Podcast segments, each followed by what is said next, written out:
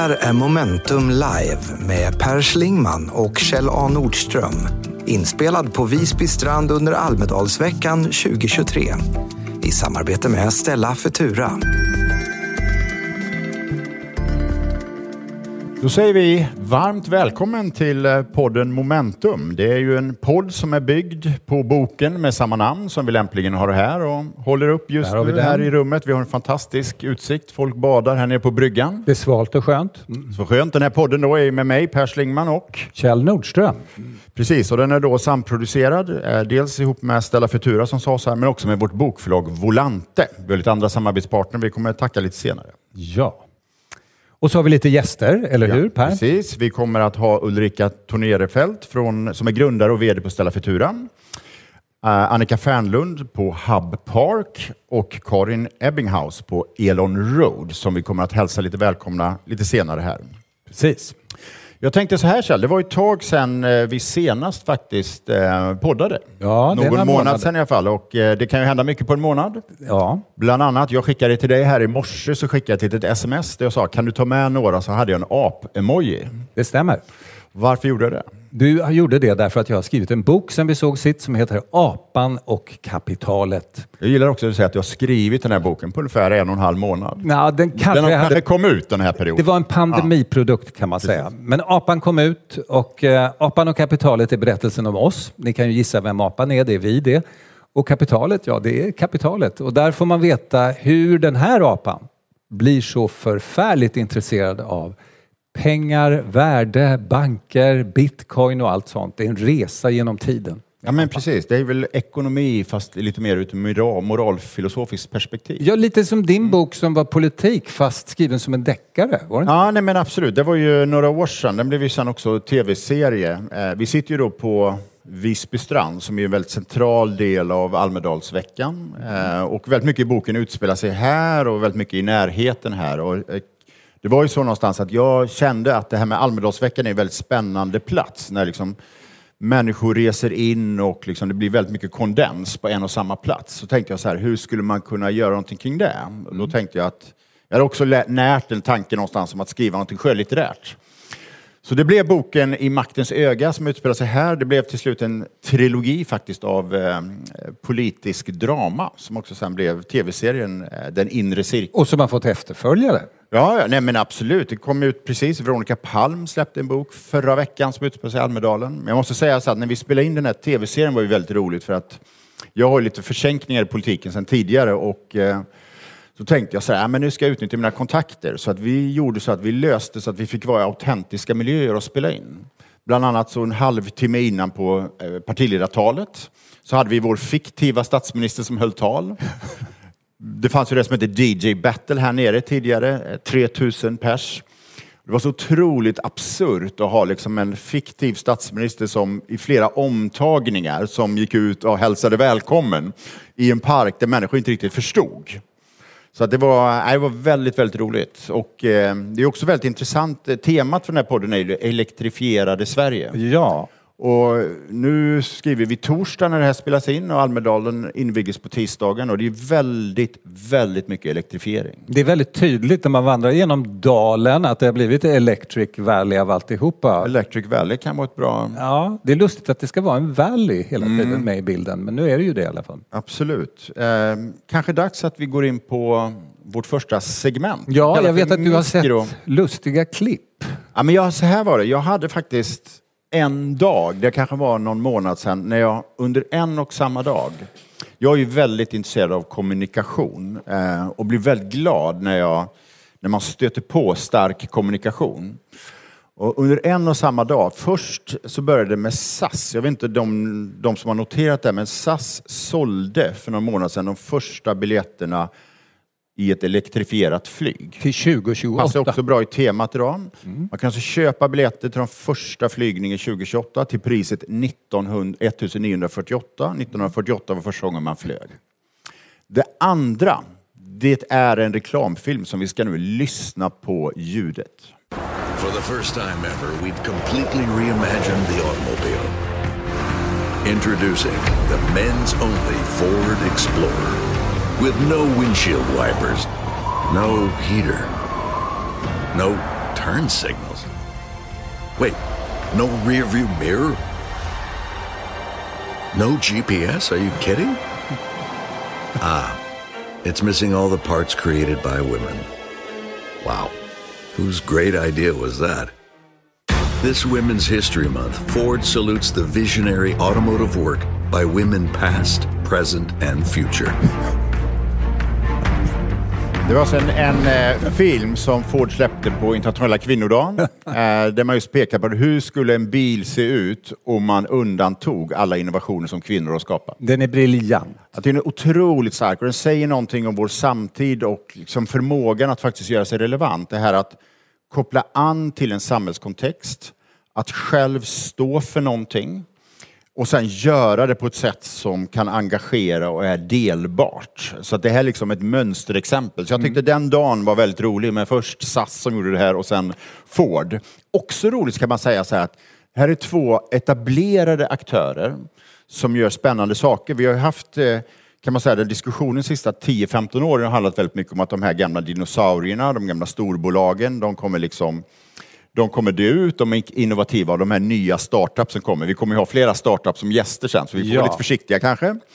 Men det är väldigt roligt att se att, att stora etablerade företag med historia också förmår vara liksom kreativa och innovativa. En del av eh, saken när vi har gjort de här böckerna, den här och tidigare, är ju att fånga såna här små dagliga händelser och i dem se de stora förändringarna som pågår i världen. Vi ska lyssna på ett klipp till som illustrerar någonting. Det är hemskt litet, det är en liten observation, men den berättar någonting väldigt stort potentiellt.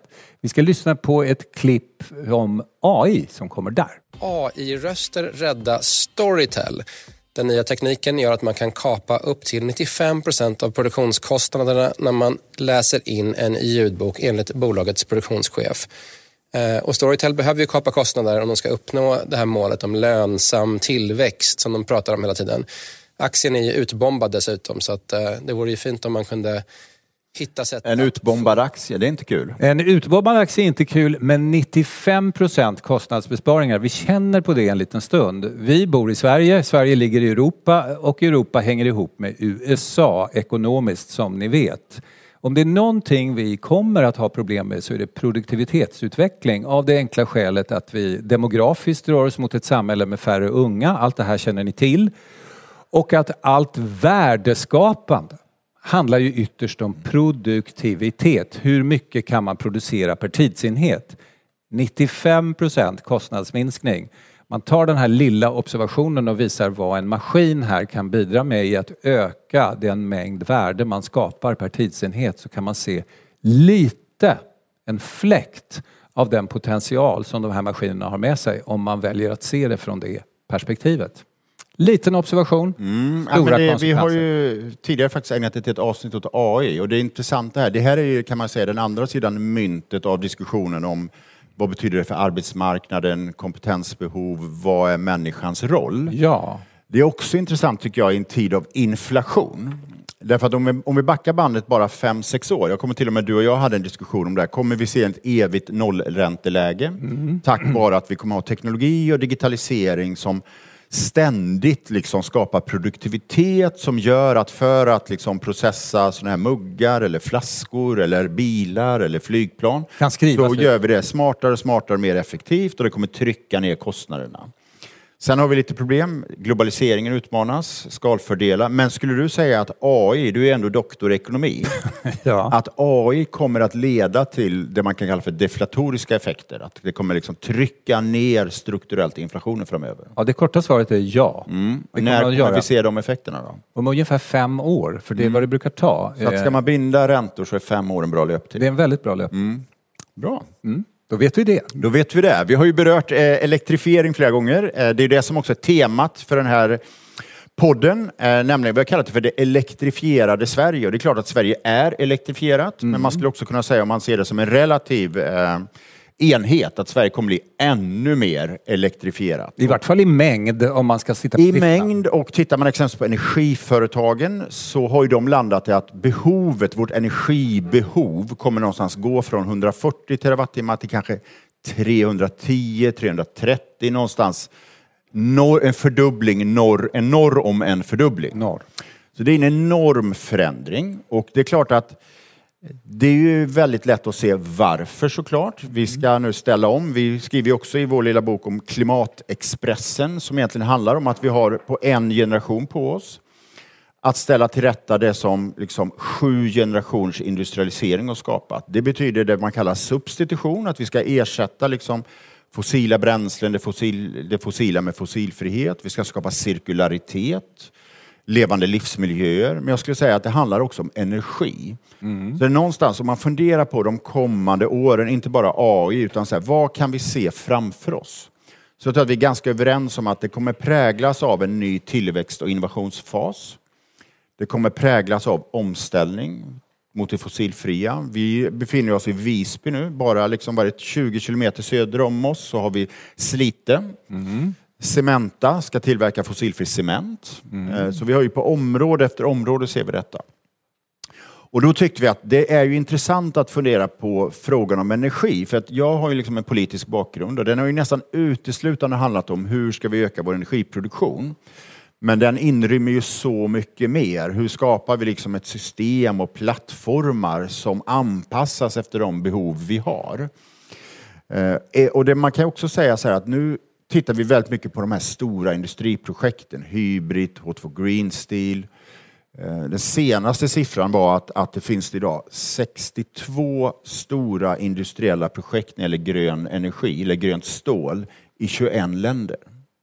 Det är några stycken. Mm. Och då någonstans, så kan man, om man tittar på behovet av energi, så brukar man säga att någonstans om tio år så kommer det riktigt stora energibehovet ses där. Mm. Men det vi har framför oss nu är ju framförallt i transportsystemet på olika sätt. De kommande åren, det kommer kräva enormt mycket mer energi. Och egentligen leder väl det här fram till liksom två stycken då centrala framtidsfrågor som jag sa. Den första handlar om det här, liksom, hur kan vi öka produktion av fossilfri energi? Jag tror också i det ligger hur ökar vi hur ökar vi planerbarheten i energi? Det är någonting vi ska diskutera sen. Det finns ju, jag har ju som sagt, i politiken så pratar vi väldigt mycket om att det finns det som är planerbart och det som är oplanerbart. Men man kan ju också göra det oplanerbara mer planerbart. Och det andra är just hur skapar vi liksom en fungerande energimarknad? Sen tycker jag, vi bara lägga till att ibland så missar man det här liksom med produktivitet, energispar och effektivitet. Att det blir också en väldigt viktig del. Alltså med höga energipriser så kommer incitamenten öka. Men Kjell, jag vet att, att eh, jag ska berätta så här, när vi träffades så skrev jag min allra första bok. Ehm, och då satt vi hemma i ditt eh, vardagsrum, liksom på bordet och pratade i tre, fyra timmar. Och då pratade du ganska mycket om det du då kallar för Gutenberg Galaxy. Ja. Någon mening att vi lever i en tid när liksom det som var centrum håller på att lösas upp och vi fragmentiseras allt mer. Och jag tror att du också har lite grann samma synsätt när det gäller energi, stämmer det? Mm, och den där Gutenberg Galaxy, ni kommer ihåg gubben Gutenberg från skolan, han med tryckpressen? Som ju då skapade egentligen hela det moderna samhället. Det ska man inte glömma bort. För det är förutsättningen för utbildning, eh, det är ju förutsättningen för bibliotek, det är förutsättningen för att spara kunskap. Det är ju boken eller möjligheten att trycka, tryckkonstens skapande. Men mindre talat om är att den ledde ju också till ett samhälle som är strikt hierarkiskt eftersom det går från centrum till periferi. Den står ju någonstans centralt den där apparaten och trycker och sen distribueras det ut till periferin, det som man har tryckt. Sen tar vi nästan samma logik när det kommer ny teknik. Vi skapar radio från centrum till periferi. Sända från ett stort centrum ut till periferin. TV som kommer lite senare. Centrum till periferi. Hela vårt samhälle blir hierarkiskt, lustigt nog runt om i världen, inte bara här. Det vi nu ser påminner mig om den där Gutenberg Galaxy, men nu gör vi det här med energi. Vi har haft ett energisystem som har byggt på just centrum till periferi. Över en fika här på morgonen så pratade vi precis om hur det har sett ut så och byggts upp så, inte minst i Sverige. Och vi har varit fantastiskt duktiga, i synnerhet i Sverige, på att applicera den lösningen. Stora tunga enheter, två små hål sa du, eh, hemma. som man då kan bara gå till och så löser det där så man behöver aldrig tänka på den saken. Två hål i väggen. Två hål i väggen, man behöver inte tänka på That's it. någonting. Nu händer någonting som påminner om när internet föddes. Plötsligt blir centrum inte lika intressant längre utan periferin ska börja producera egen energi ute i periferin, distribuera till andra i periferin. Centrum har inte samma självklara roll längre. Så den omställning vi ser är ungefär som man gick från stordator till PC till iPhone och nu händer någonting med våra energisystem som påminner misstänkt mycket om det som vi har levt med nu i 35, 30-35 år beroende på Ja. lite hur Men det är väl mäter. också en tillitsfråga att man litar Ja. inte lika mycket på centrum längre utan man måste ta ett eget ansvar för att faktiskt skapa sig sina egna lösningar också när det gäller energi. Och det man kan misstänka att maktförhållanden i samhället kommer att göras om på ett väldigt fundamentalt sätt. Några som hade makt kommer att förlora. Några som inte hade makt kommer att vinna och den kommer att flyttas om. Makten alltså på ett inte riktigt förutsägbart sätt. Och då dyker politik naturligtvis upp i Absolut. det gränslandet på en gång. Ja, och det här är ju någonting vi ser på väldigt många, i väldigt många fält. Kommunikation är ju sånt där. Det är ju samma sak där. Vi hade masskommunikation. Ett centrum, en sändare, nådde många. Det är precis Gutenberg och sådär. Och nu är det utdistribuerat. Nu har vi alla våra samtal och konversationer. Makten förskjuts. Ja, och den trycks ut på individer, den trycks ut Absolut. på företag och den trycks ut på mindre enheter. Så allt det här som vi formade av, i synnerhet i Sverige eftersom vi var så duktiga på stora centrala system. Vi hade bankomater från nord till syd, det är jättebra. Personnummer, stort, fint, centralt planerat. Det där kan vi. Nu kommer vi in i en Mm. Ja, annan logik. precis. Men utmaningen är samtidigt att vi, det krävs ändå liksom nationella och till och med internationella liksom ramverk och strukturer som någon mening är förutsägbara. Och det här stämmer ju väldigt väl överens med också om man tittar på politiken. Vi har ju pratat mycket om städernas ökade makt, det lokala ledarskapet, borgmästarrollen. Alltså den här liksom, det är en distribution av makt och kraft som går ifrån liksom centrum till periferi. Sen borde vi hitta ett annat ord för periferi. Ja, Det är inte så roligt att vara periferi. Nej, man vill inte vara Nej. periferin. Men periferin blir ju nu centrum. Det är ju det som är det Precis. Och lustiga. då tycker jag att vi ska hälsa vår första gäst välkommen som också är samarbetspartner till det här. Ja. Ulrika Tornerfelt från Stella Futura. Ja, Stora applåder här. Trevligt. Hej, välkommen. tack Tackar, så tackar. hemskt mycket. Jag tänkte sådär innan du ska få säga några ord om Stella Futura, men vad är din eh, tes? Ser vi den här liksom centrum till periferi också när det gäller energi? Absolut, ni var inne på det. Vi har ju levt i en värld där vi har haft en otroligt stabil och planerbar el i 40 år. På, eh, på 60-talet var det 95 procent vattenkraft och sen började vi bygga kärnkraft som beslutades att lägga ner långt innan jag hade rösträtt förvisso. Eh, men det man också ska tänka på är att på den tiden så hade vi också en, en väldigt planerbar, eh, planerbart beteende på kundsidan, konsumtionssidan. Och nu går vi in i ett elektrifieringsrace där vi skapar volatilitet både på produktionssidan och på konsumentsidan. Så att vi närmar oss lite en slags the perfect storm här nu som vi måste navigera igenom. Vilket här- är helt görbart. Ja men absolut. Jag tänkte så här, förutom två hål i väggen som gör de flesta svenskars relation till energi, vad, vad är din relation? Hur, hur kom du in i den här branschen? Ja, från vilket håll kom Ja, liksom. Jag frågade dig idag på morgonen om detta. Ja, eh, jag har jobbat med hållbarhet i hela mitt liv och för ungefär 15 år sedan så började jag jobba med energilagring för att jag insåg att det är liksom den heliga graalen som måste eh, tas om hand eller hittas eller lösas om vi ska kunna... Men hur kom du på det? Det är ju inte alla som Du vaknade en morgon och sa att nej men det är Det måste vara energilagring. lagringen. Heureka, det måste, vi måste kunna lagra el. Nej men, ehm, nej, men det, har det ju varit, ju det har ju varit en rörelse. Alltså, vi- sol började vi ju peta in i vårt energisystem för. Alltså det kom väl igång typ eh, 2011, 12, 13.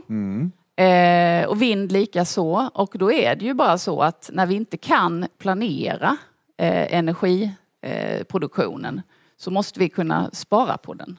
Plus att vi har ju växelström i vår nat- nationella grid och Eh, när man kör in mer och mer volatila intermittenta energislag såsom sol och vind så rubbar det själva elkvaliteten i vårt nationella nät.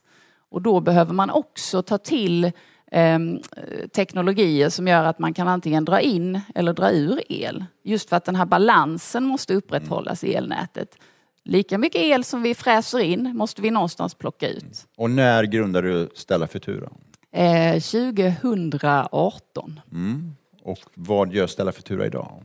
Eh, jag säger att vi möjliggör den här accelerationen till den gröna omställningen. Eftersom om vi inte sätter ut alla de här pacemakers nästan som man kan säga att energilager är ute i elnätet decentraliserats med de nya energimaktcentrarna nästan så ehm, kommer inte den här gröna omställningen att fungera.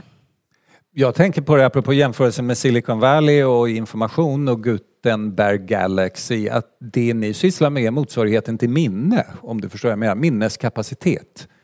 För det här är ju ett slags minne. Ja, el måste du ju förbruka direkt när du eh, tillverkar det. Mm. Så då eh, plockar vi in det och lägger det håller det. Ja, vi lägger det i minnet. Lägger det i minnet. Så avropar vi det när vi behöver mm. det. Och minnesutvecklingen har ju varit helt central för ja, de här. Absolut. Det hade ju inte gått annars om ni förstår vad jag menar. Det är ju det faktum att den här kan minnas oändliga mängder med information. Ibland som, för mycket.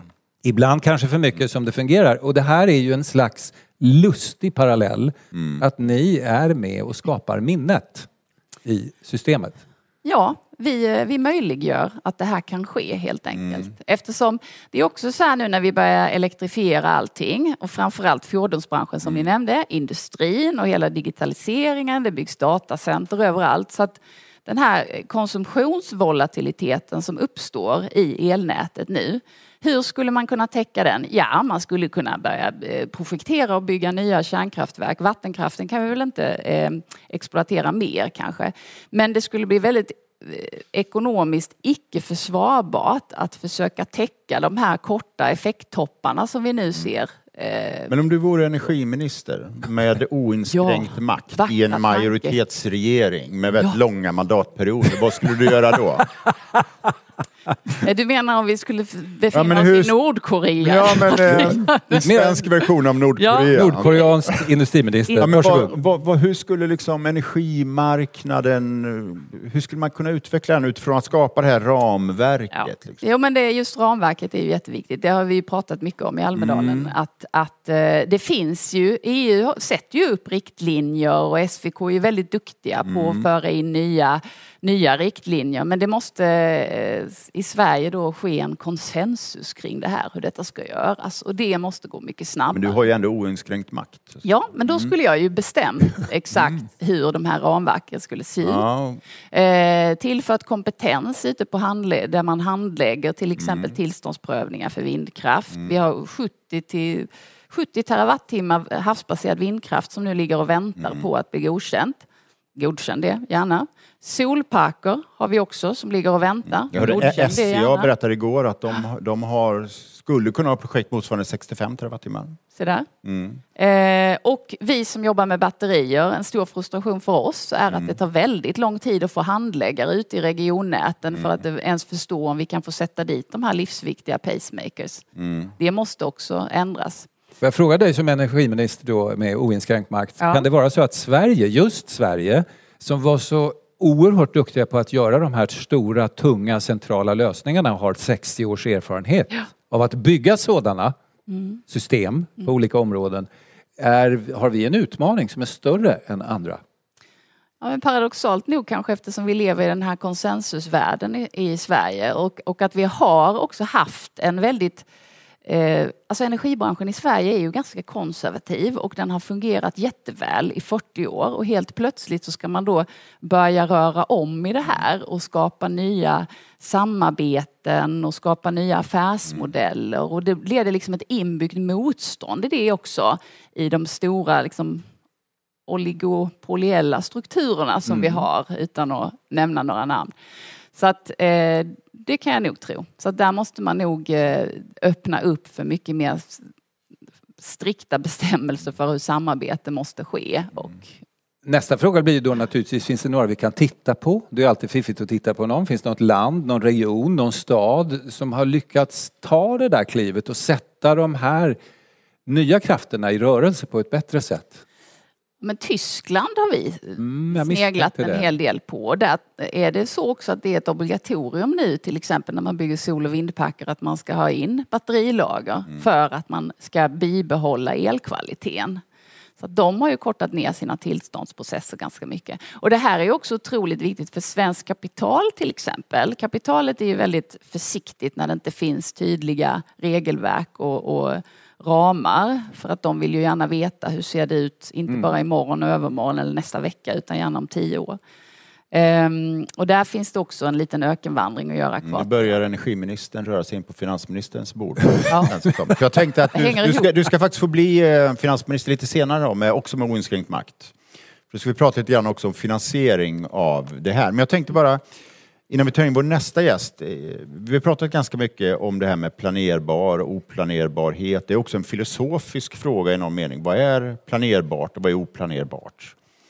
Barn, Skaffa barn till exempel, är det planerbart? Eller plan... Man kan ju undra. Ofta Ibland. skapar man, Ibland. Det är det. Men Ibland. också ofta skapar man en efterhandskonstruktion om att det oplanerade var Mm. planerbart och sådär. Men vi kan väl låta det ligga åt sidan och prata lite grann om energi. Mm. Därför att jag, eh, det är ju väldigt tydligt i den politiska debatten att man pratar väldigt mycket om behovet att vi måste ha mer planerbar och förutsägbar energi, Mm. läs kärnkraft. Och det finns liksom ett frågetecken, skulle jag säga, kring det man då kallar oplanerbart, framförallt sol och vind. Men jag vet att du har reagerat på det och sagt att det är egentligen en myt som finns i diskussionen. Ja, berätta om det. Jo, men eh, det oplanerbara är ju att vi vet inte när vinden blåser eller när solen skiner. Men det finns ju mängder av fiffiga teknologier just inom lagring som gör att vi, det här minnet vi pratar om. Vi, vi har ju ofta en överkonsumtion av sol ibland eller vind ibland för att ha en total underkonsumtion vissa tider. Och grejen med de energislagen är ju också ofta att solen skiner ofta över rätt större områden. Så har vi en överkonsumtion i den kommunen så har vi det där och där och där och där också. Och då måste man kunna lagra detta för att nyttja det vid andra tillfällen. Så att genom att nyttja då energilager så gör vi ju den här fina förnyelsebara eh, elproduktionen planerbar. Och det är också ekonomiskt mycket, mycket smartare att använda den slags energislag just som jag sa, decentraliserat när vi har den här oplanerbara konsumtionen. För konsumenterna är ju svårare att... Men jag tänker så här då, le lek med tanken att vi verkligen är en regering som sitter här, jag, Kjell, oinskränkt makt. Hur översätter man det du säger till politik eller struktur eller beslut? Vad betyder det egentligen att man faktiskt kan göra det oplanerbara planerbart? Vad säger vi på presskonferensen? Vad är själva reformen? eh, kortade tillståndsprocesser för sol vindparker och Check. batteriinstallationer. Eh, Jag tycker ju att istället för det här elstödet som man har fräst ut hej vilt nu, då skulle man hellre skapa liksom ekonomiska incitament för eh, industrier att bygga ut sol på sina tak och installera batterisystem. Det finns ju inga sådana stöd. Så samma pengar används till något annat? Ja, det blir ju bättre om vi, om vi inte håller på med bidrag utan kanske precis, bygger ja, infrastruktur Men sen också finansiering av en ny infrastruktur som också bygger Ja. på lagring. Och där kommer vi in till en jätteviktig sak, alltså hur regelverket för eh, och processerna för det här fungerar. För att när vi idag inte vet om jag till exempel ansöker om att komma åt en anslutning för att koppla in ett batteri, så kan det ta allt emellan två dagar till ett år att få veta om jag kan det. Då blir ju kapitalet förskräckt. Så att om vi vill få in alla våra fina pensionspengar i det här till exempel så måste man också skärpa upp regelverket så att det blir jättetydligt så att det inte bara är utländskt privat kapital som kommer in och investerar i vår infrastruktur. Kapital är väldigt lättskrämt. Det står i den här boken. Apan och Precis, då blir ju också aktier blir väldigt lätt utbombade. Ja. Okej. Men eh, tack så mycket. Vi kanske ska ta in våra andra gäster. Ja, ja. vad Då kul. har vi Annika Fernlund som är mobilitetsstrateg på Hub Park. Och Karin Ebbinghaus som är VD på Elon Road. Nordkoreansk applåd. Precis, jag tänkte. Eh, Annika, vi kan börja med dig. Eh, först Hub Park. För eh, möjligtvis någon som inte känner till det än. Vad gör ni? Hörs jag? Ja. Eh, tack för att få vara här. Mm. Trevligt. Hub Park, vi är ett fastighetsbolag som jobbar med fokus mot mobilitet Mm. eh, och hållbarhet i stort. Jag kommer kanske in mer på det senare, Mm. vad man kan komplettera mobilitetsfastigheterna med för att jobba större. Mobilitet Strukturellt. och fastighet låter som en rund fyrkant. Ja. Ja, eller hur? Och jag tänker att det, då undrar väl folk här ute, vad är en mobilitetsfastighet? Parkeringsfastigheter tror jag många vet Mm. vad det är. Eh, Det har vi jobbat med mycket tidigare. Efter det har man gått över till att gräva ner parkeringen under Mm. husen. Yes. Eh, Kostar väldigt mycket resurser och pengar. Eh, Och nu ställer stadsplanerarna om till att faktiskt kunna samnyttja parkeringsresursen igen. Lyfter upp den för att också kunna göra den omställningsbar till andra funktioner den dagen vi har Och de här... vilka andra funktioner pratar vi? Ja. Ja, det, kan ju vara, det kan vara paket, det kan det vara redan idag. Men Delningstjänster. Precis, men för framtiden behöver vi nog kunna ställa om vissa parkeringsytor även till kontor och bostäder och andra funktioner. Mm. Till och med det, så mo- Mobile Offices där. Absolut. Om man jobbar i fastighetsbranschen, på tal om kapitalet och inte skrämma bort dem, behöver vi kunna tala om hur de här fastigheterna kan stå i 50-100 år. Eh, och med självkörande bilar som många spår till sådär 2050, det är inte så långt bort. Nej. Vad händer då med de här nya fastigheterna som vi har lagt mycket krut på att faktiskt lyfta upp för att kunna samnyttja? För att under jorden blir det verkligen en utsöende dinosauriesvans som du inte kan göra någonting vettigt Och hur många finns ni idag i aktiv form? Hur många Ja. fastigheter? Ja. Vi har två up and running, så det är ett ganska nybildat fastighetsbolag just också för att vi kom från den kommunala sektorn där man i många kommuner just jobbar med parkeringsfrågan. Och vi ser att den här frågan är en större angelägenhet för att också kunna samnyttja det igen och att det inte återigen bara hamnar på kommunen. För de har inte råd att bygga alla de anläggningar som Och behöver hur, byggas. hur tänker ni när det gäller energi? Både liksom energiförsörjning, förnyelsebart, system, batterier. Finns det som en del av er Har ni idé? en uppfattning där? Man kan säga att vi har en uppfattning. Det är nämligen så att de här fastigheterna nu, innan vi har de självkörande Mm. fordonen så har vi en annan explosion som har hänt och det är ju att innan hade vi en 10 laddplatser på Mm. 500 parkeringsplatser. Ja. Nu går vi till kanske en 50-80 procent av platserna som ska elektrifieras. Mm. Och då får vi fina toppar så här på morgonen eh, och på kvällen. Dels när man kommer till sitt kontor och vill plugga in de som inte har laddning hemma och de som då kommer hem på kvällen från sina kontor där det inte finns laddning. De vill ladda på natten.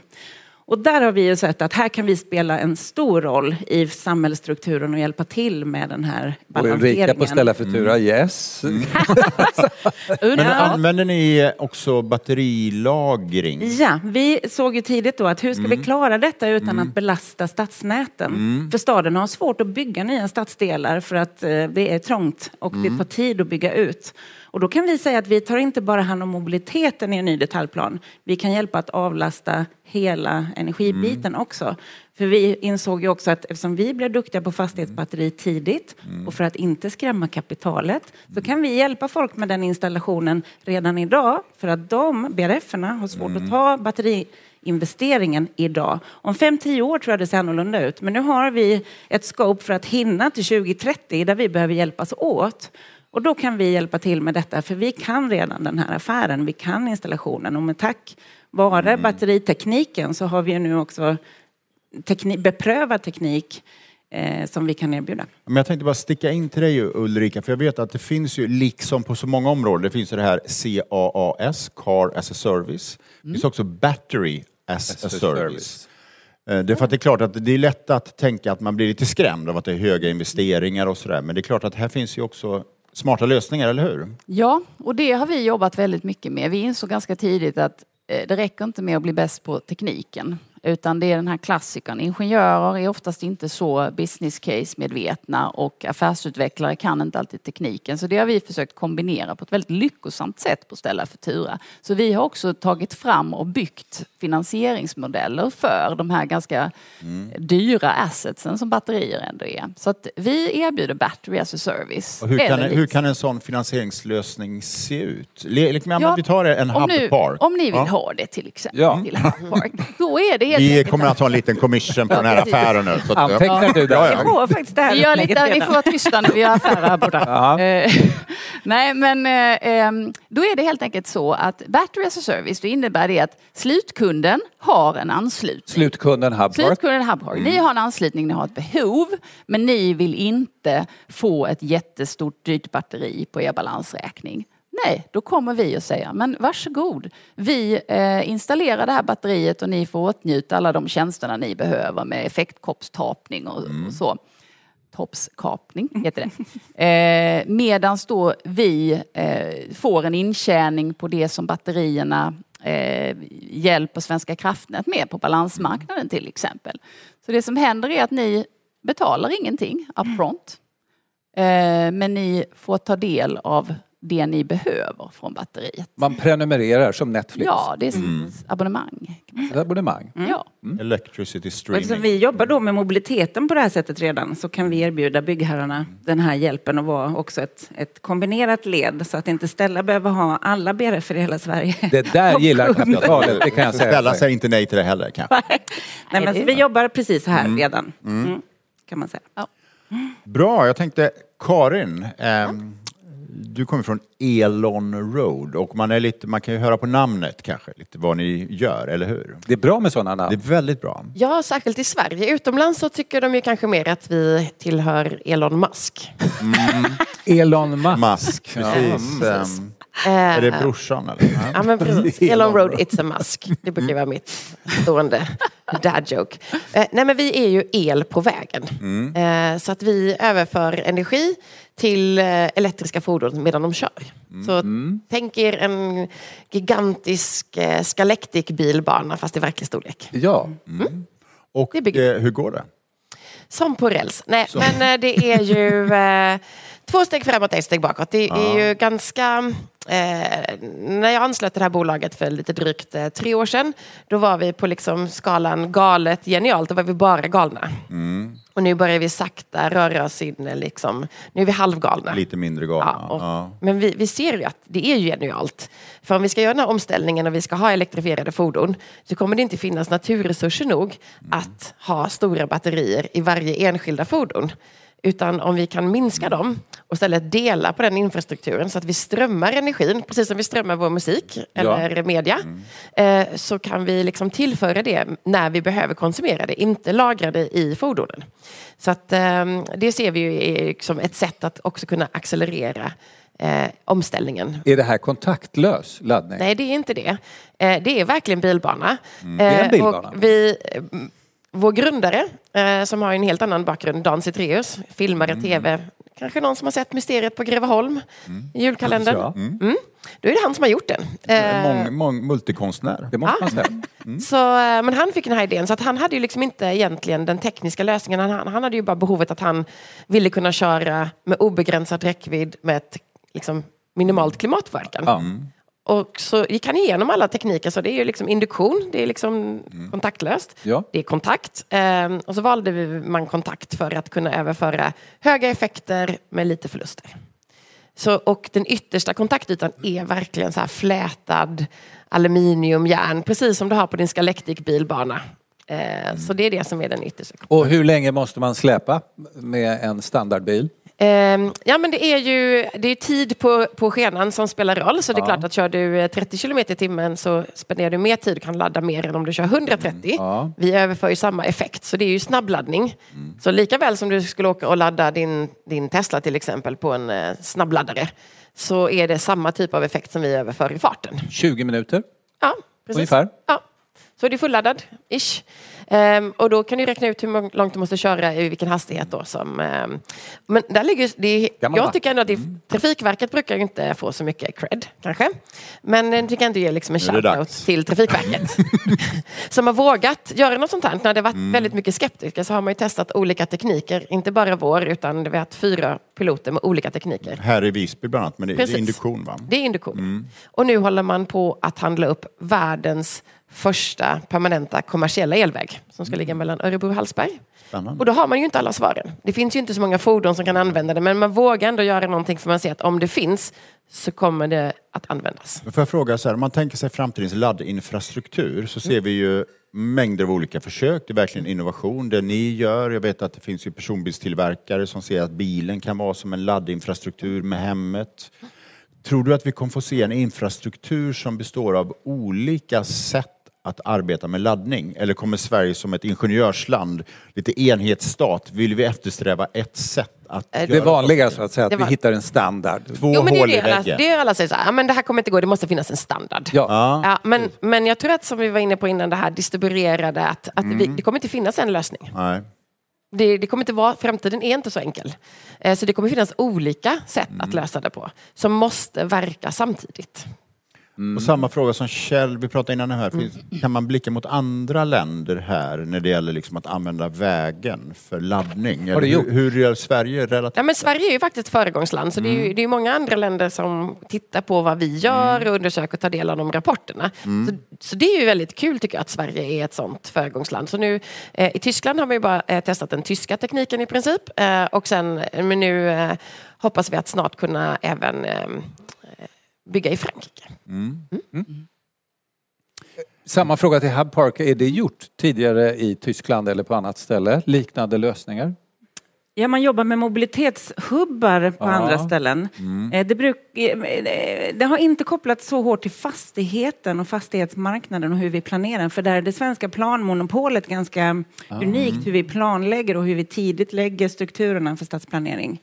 Så det skiljer sig lite åt. Men eh, om man tittar på Tyskland till exempel så var, ligger de långt fram med att få ut mobiliteten och delande Om du då fordonslösningar. vore justitieminister med oinskränkt makt och fick ändra på planmonopolet, eh, Mm, jag tycker det är ganska- skulle vi behöva göra Mm, det? jag tycker nödvändigtvis inte att planmonopolet är fel. Eh, för då har du möjlighet att bygga stad kräver Mm. samverkan i tidig form. Och för att kunna göra det behöver man ha en plan. Mm. Eh, så det handlar mer om kompetens, som du var inne på, få in rätt kompetens till planerarna Mm. för den nya tekniken. Jag var på Handelskammaren igår och hade ett jättespännande samtal Mm. om hur de och andra, vi behöver jobba över våra stuprör för Mm. våra fastigheter. Som jag nämnde inledningsvis kan jobba mycket mer än bara med mobilitet. Vi kan vara energinoder, eh, ha våra skyddsrum där, vi kan ha våra servicenoder, omlastning för logistik och transport. Helt plötsligt kan vi... Men det här vet ju inte de som planlägger. Så då vet inte de hur de ska dimensionera sina vägar. Så det är hela tiden liksom, ha det gemensamma målet för ögonen men bjud in nya aktörer för att ta fram målbilden. Ni låter väldigt hoppfulla Ja. alla tre. Jag, jag tänker så här, det vi gör nu, Det är vi, vi skriver ju år 2023 och sen så blickar vi framåt och funderar på hur kommer utvecklingen bli. Jag tänker så här att om vi skulle låtsas att vi själva är avatarer och försätter oss att nu lever vi 2028, snarare kanske fem år fram i tiden. Hur tror ni att det ser ut då?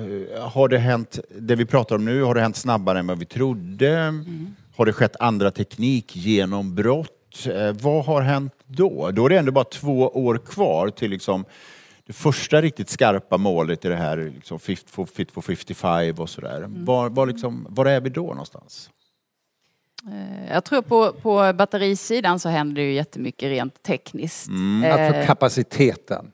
Alltså jag tänker teknologin. Teknologin är stort. alltså Men det leder ju- till minnesförbättringar så att säga. Ja, absolut. Nu jobbar vi ju, de flesta arbetar ju med litiumjonteknologi till exempel och den kommer väl kanske hålla i sig mer än två år fram. Men alltså, där kommer det hända jättemycket nästa decennium, helt klart. Och sen eh, hoppas jag på att vi liksom bygger en energiinfrastruktur som blir en fin symbios mellan det här gamla centraliserade, stora, planerbara kraftverken och eh, eh, distribuera decentraliserade smarta lösningar med förnyelsebar energi kombinerat med olika typer av lagring. Jag är ju en eh, profet för batterier men samtidigt så välkomnar jag ju, alltså allt behövs, vätgas, pumpkraft, allting.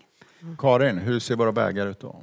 Ja, men eh, då kan vi ju eh, köra egentligen med den här obegränsade räckvidden. Eh, vi behöver aldrig stanna. Och vi kan eh, kosta på oss att köpa den här bilen med eh, det mindre batteriet. Jag menar 90 procent av våra eh, färd eller transporter sker ju liksom till jobb och hem i vår närmiljö. Men så ibland åker vi ju på semester, vi ska hälsa på släkten. Så vi köper ju oftast ett fordon dimensionerat för det, för vi vill ha den friheten. Så att, eh, men, men jag skulle hoppas att eh, 2028 då, då har vi en eh, miljö och klimatbalk. Om vi nu pratar lagstiftning. Ja. Eh, för miljöbalken som är fantastisk och har, har känner sitt syfte, den hindrar ju till mångt och mycket den klimatomställning vi måste göra. Eftersom man måste ta hänsyn till liksom, ekosystemet i miljön i det lilla, på platsen där du ska bygga. Du kan inte ta hänsyn till hur det påverkar klimatet i övrigt. Så jag skulle vilja slå ett slag för att vi ska ha en miljö och klimatbalk. En ny ministerpost Precis. ska jag se där. Ja, absolut, ett superdepartement. Yes.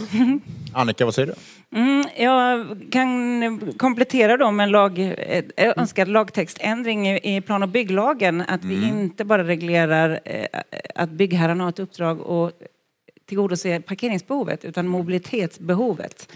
Eh, För det gör att byggherren har ett ansvar att finansiera en helhetslösning, inte bara en privatägd billösning som är liksom, den är ju redan passé. Det tror jag kommer, vi kommer se inom fem år, det hoppas jag verkligen. Eh, och så vill jag också slå ett slag, du nämner vätgas, vi har inte nämnt det så mycket här Nej. idag, för säsongslagringen är ju nyckeln till att vi också ska klara att behöva producera så mycket ny el. Jag har hört tidigare att vi har den produktionen vi behöver. Det handlar ju om optimering och flytta resurserna från natt till dag och så vidare.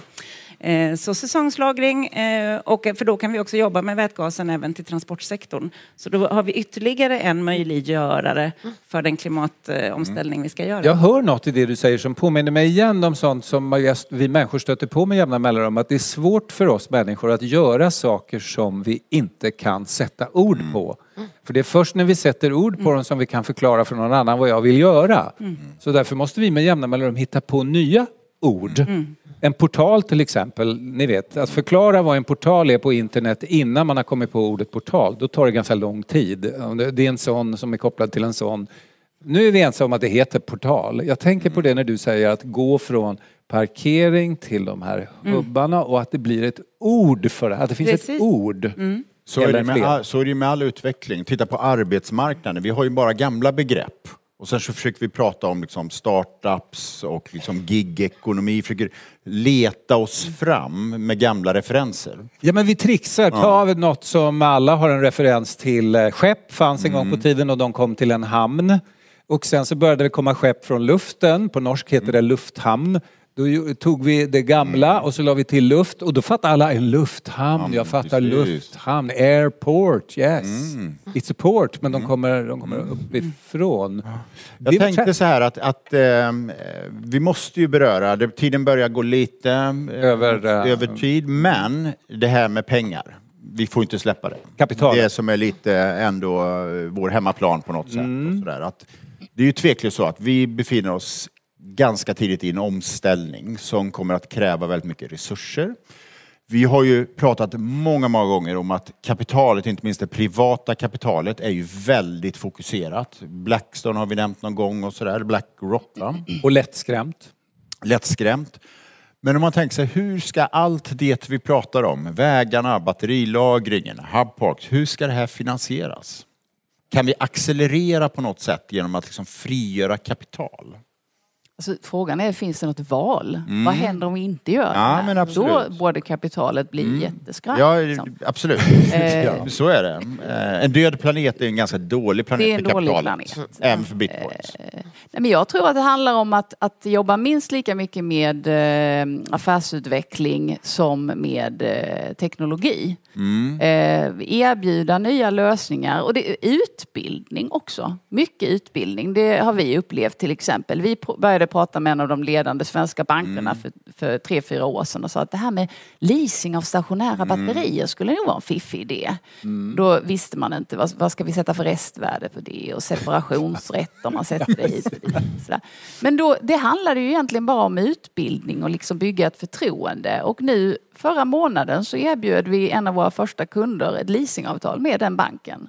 Och de är happy happy. Så att, ehm, Det är utbildning. Och Jag, ja, precis. Jag tänker också sådär att, att eh, pensionskapitalet, det institutionella kapitalet, det, någonstans har ju liksom utgångspunkt, ganska mycket pensionskapital i Sverige är liksom ett resultat av arbetsmarknadens parter.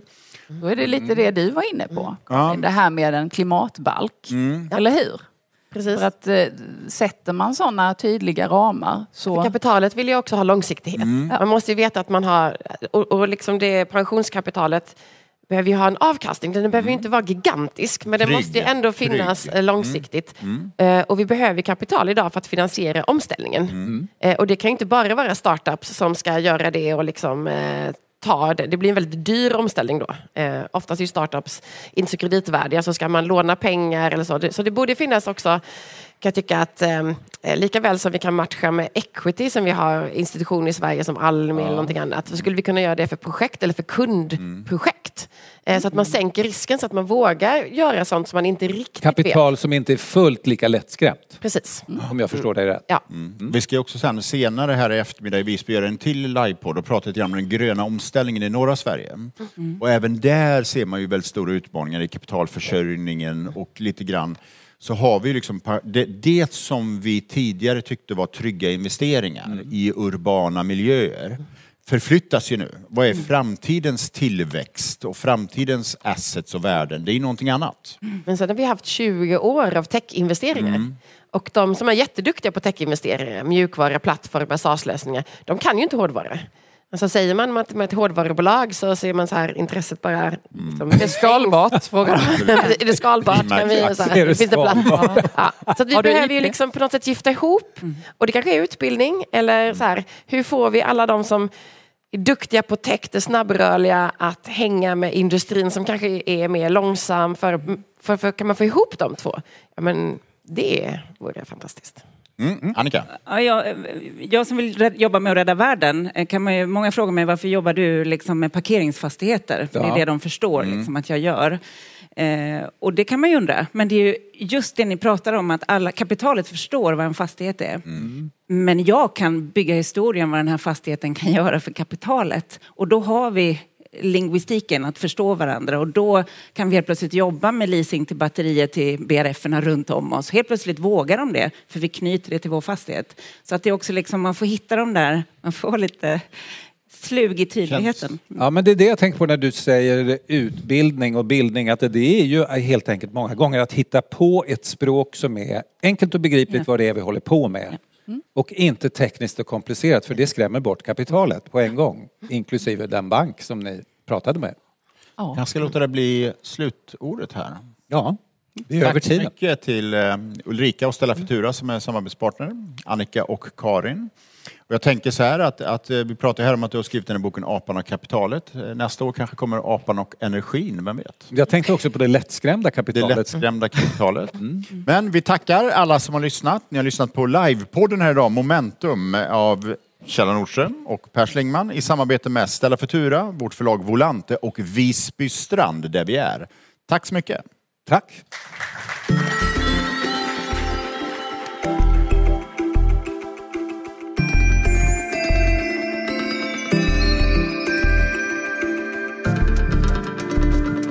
Det här programmet görs på Beppo.